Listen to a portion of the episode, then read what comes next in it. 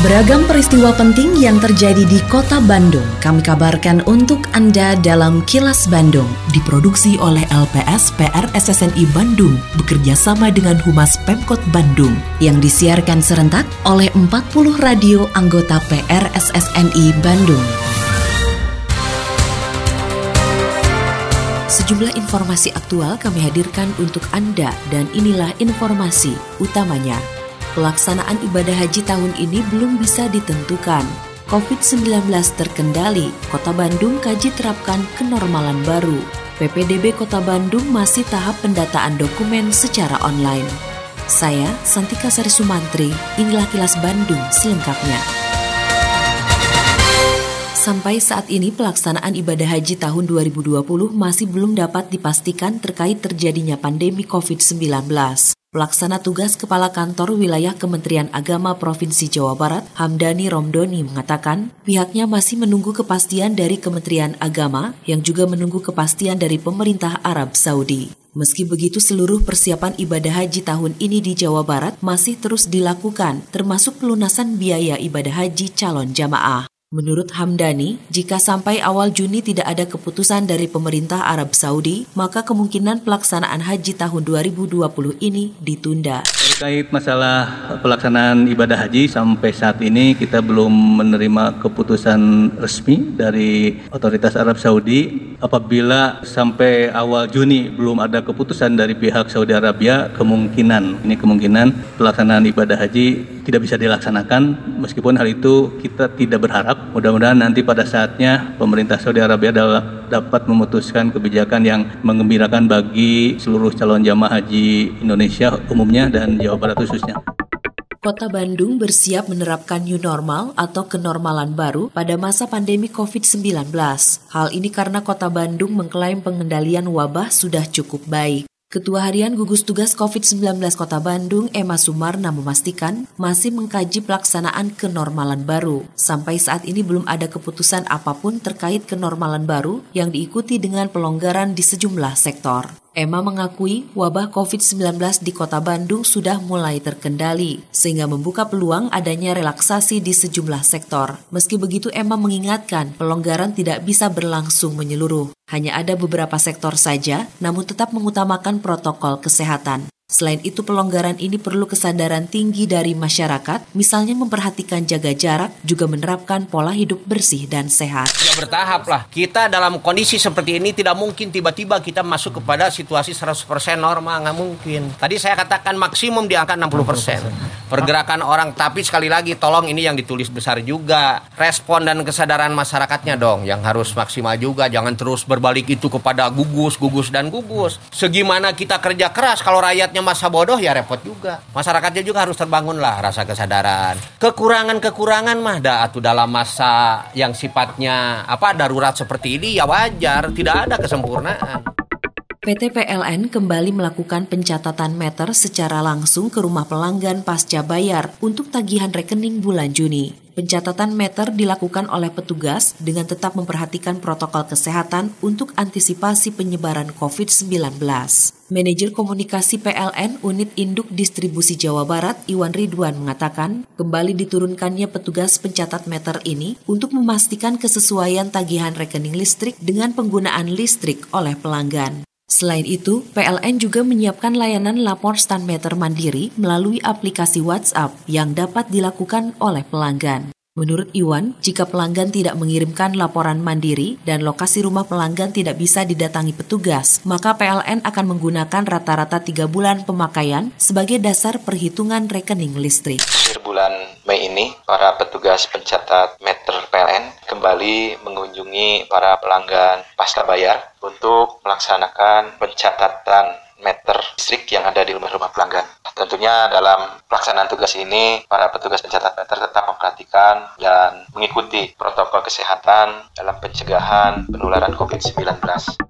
Pelaksanaan penerima peserta didik baru atau PPDB Kota Bandung tahun 2020 masih dalam tahap pendataan dokumen oleh wali kelas di tingkat sekolah dasar negeri dan sekolah menengah pertama negeri. Kepala Bidang Pembinaan Pengembangan Pendidik dan Tenaga Kependidikan pada Dinas Pendidikan Kota Bandung, Edi Suparjoto, mengatakan ada tiga persyaratan yang wajib dipersiapkan oleh orang tua calon siswa, yaitu akte kelahiran, kartu keluarga, dan KTP orang tua. Adapun untuk dokumen pendukung, persyaratannya tergantung pada jalur seleksi yang akan dipilih. Menurutnya, seluruh ketentuan tersebut sudah tercantum dalam peraturan wali kota atau perwal tentang pelaksanaan PPDB online Kota Bandung tahun ajaran 2020-2021. Jalur RMP sesuai dengan perwal nomor 27 ada 8 indikator mulai dari kartu-kartu tentang program penanggulangan kemiskinan baik nasional maupun regional ada hal yang penting yaitu apabila tidak memiliki kartu-kartu tidak masuk ke dalam program DTKS atau non DTKS boleh untuk membuat surat pernyataan orang tua tidak mampu ya, yang diketahui oleh ketua RT dan ketua RW. Assalamualaikum warahmatullahi wabarakatuh. Salam sejahtera wargi Bandung yang kami cintai. Saya Hikmat Ginanjar, Kepala Dinas Pendidikan Kota Bandung. Wargi Bandung, bulan Mei ini penerimaan peserta didik baru atau PPDB untuk tingkat TK, SD, dan SMP di Kota Bandung akan segera dimulai. PPDB tahun ini dilakukan dengan tiga tahapan utama, yaitu pendataan, pendaftaran, dan pengumuman. Tahapan tersebut dilakukan secara online, sehingga para orang tua dan siswa tidak perlu datang ke sekolah. Ayo segera tanya informasi lengkapnya kepada wali kelas melalui telepon atau pesan di HP atau lihat informasi lengkapnya di website ppdb.bandung.go.id. Sekali lagi ppdb.bandung.go.id. Ayo daftar PPDB dari rumah.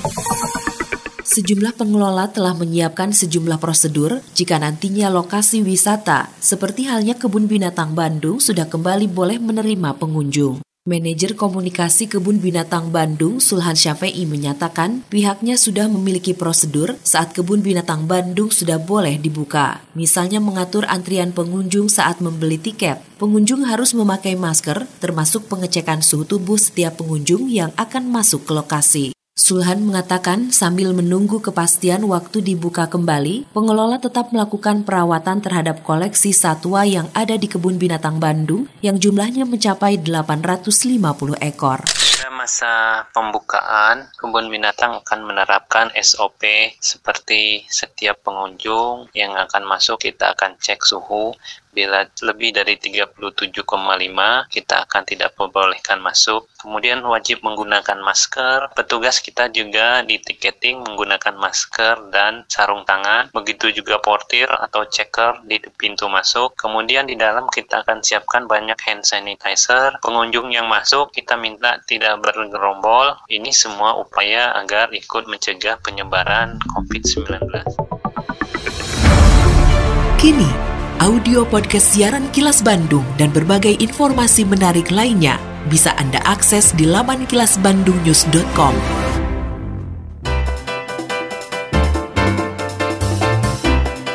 Berikut sejumlah agenda kerja para pejabat Pemkot Bandung Jumat 29 Mei 2020.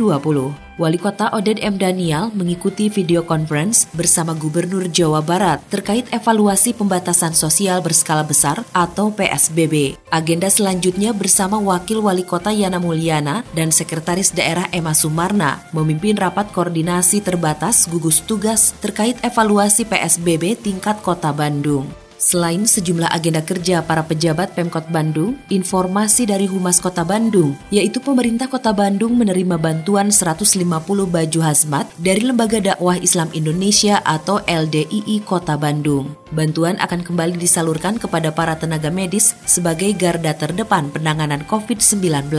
Usai menerima bantuan tersebut pada Kamis kemarin, Sekretaris Daerah Kota Bandung Emma Sumarna menyampaikan apresiasinya atas bantuan yang diberikan. Menurutnya bantuan APD khusus tenaga medis memang sangat diperlukan. Emma berharap seluruh bantuan dari berbagai kalangan masyarakat tersebut dapat menjadi bagian dalam penanganan COVID-19 di Kota Bandung. Demikian sejumlah agenda kerja para pejabat Pemkot Bandung dan info aktual yang diterima redaksi LPS PR SSNI Bandung dari Humas Pemkot Bandung.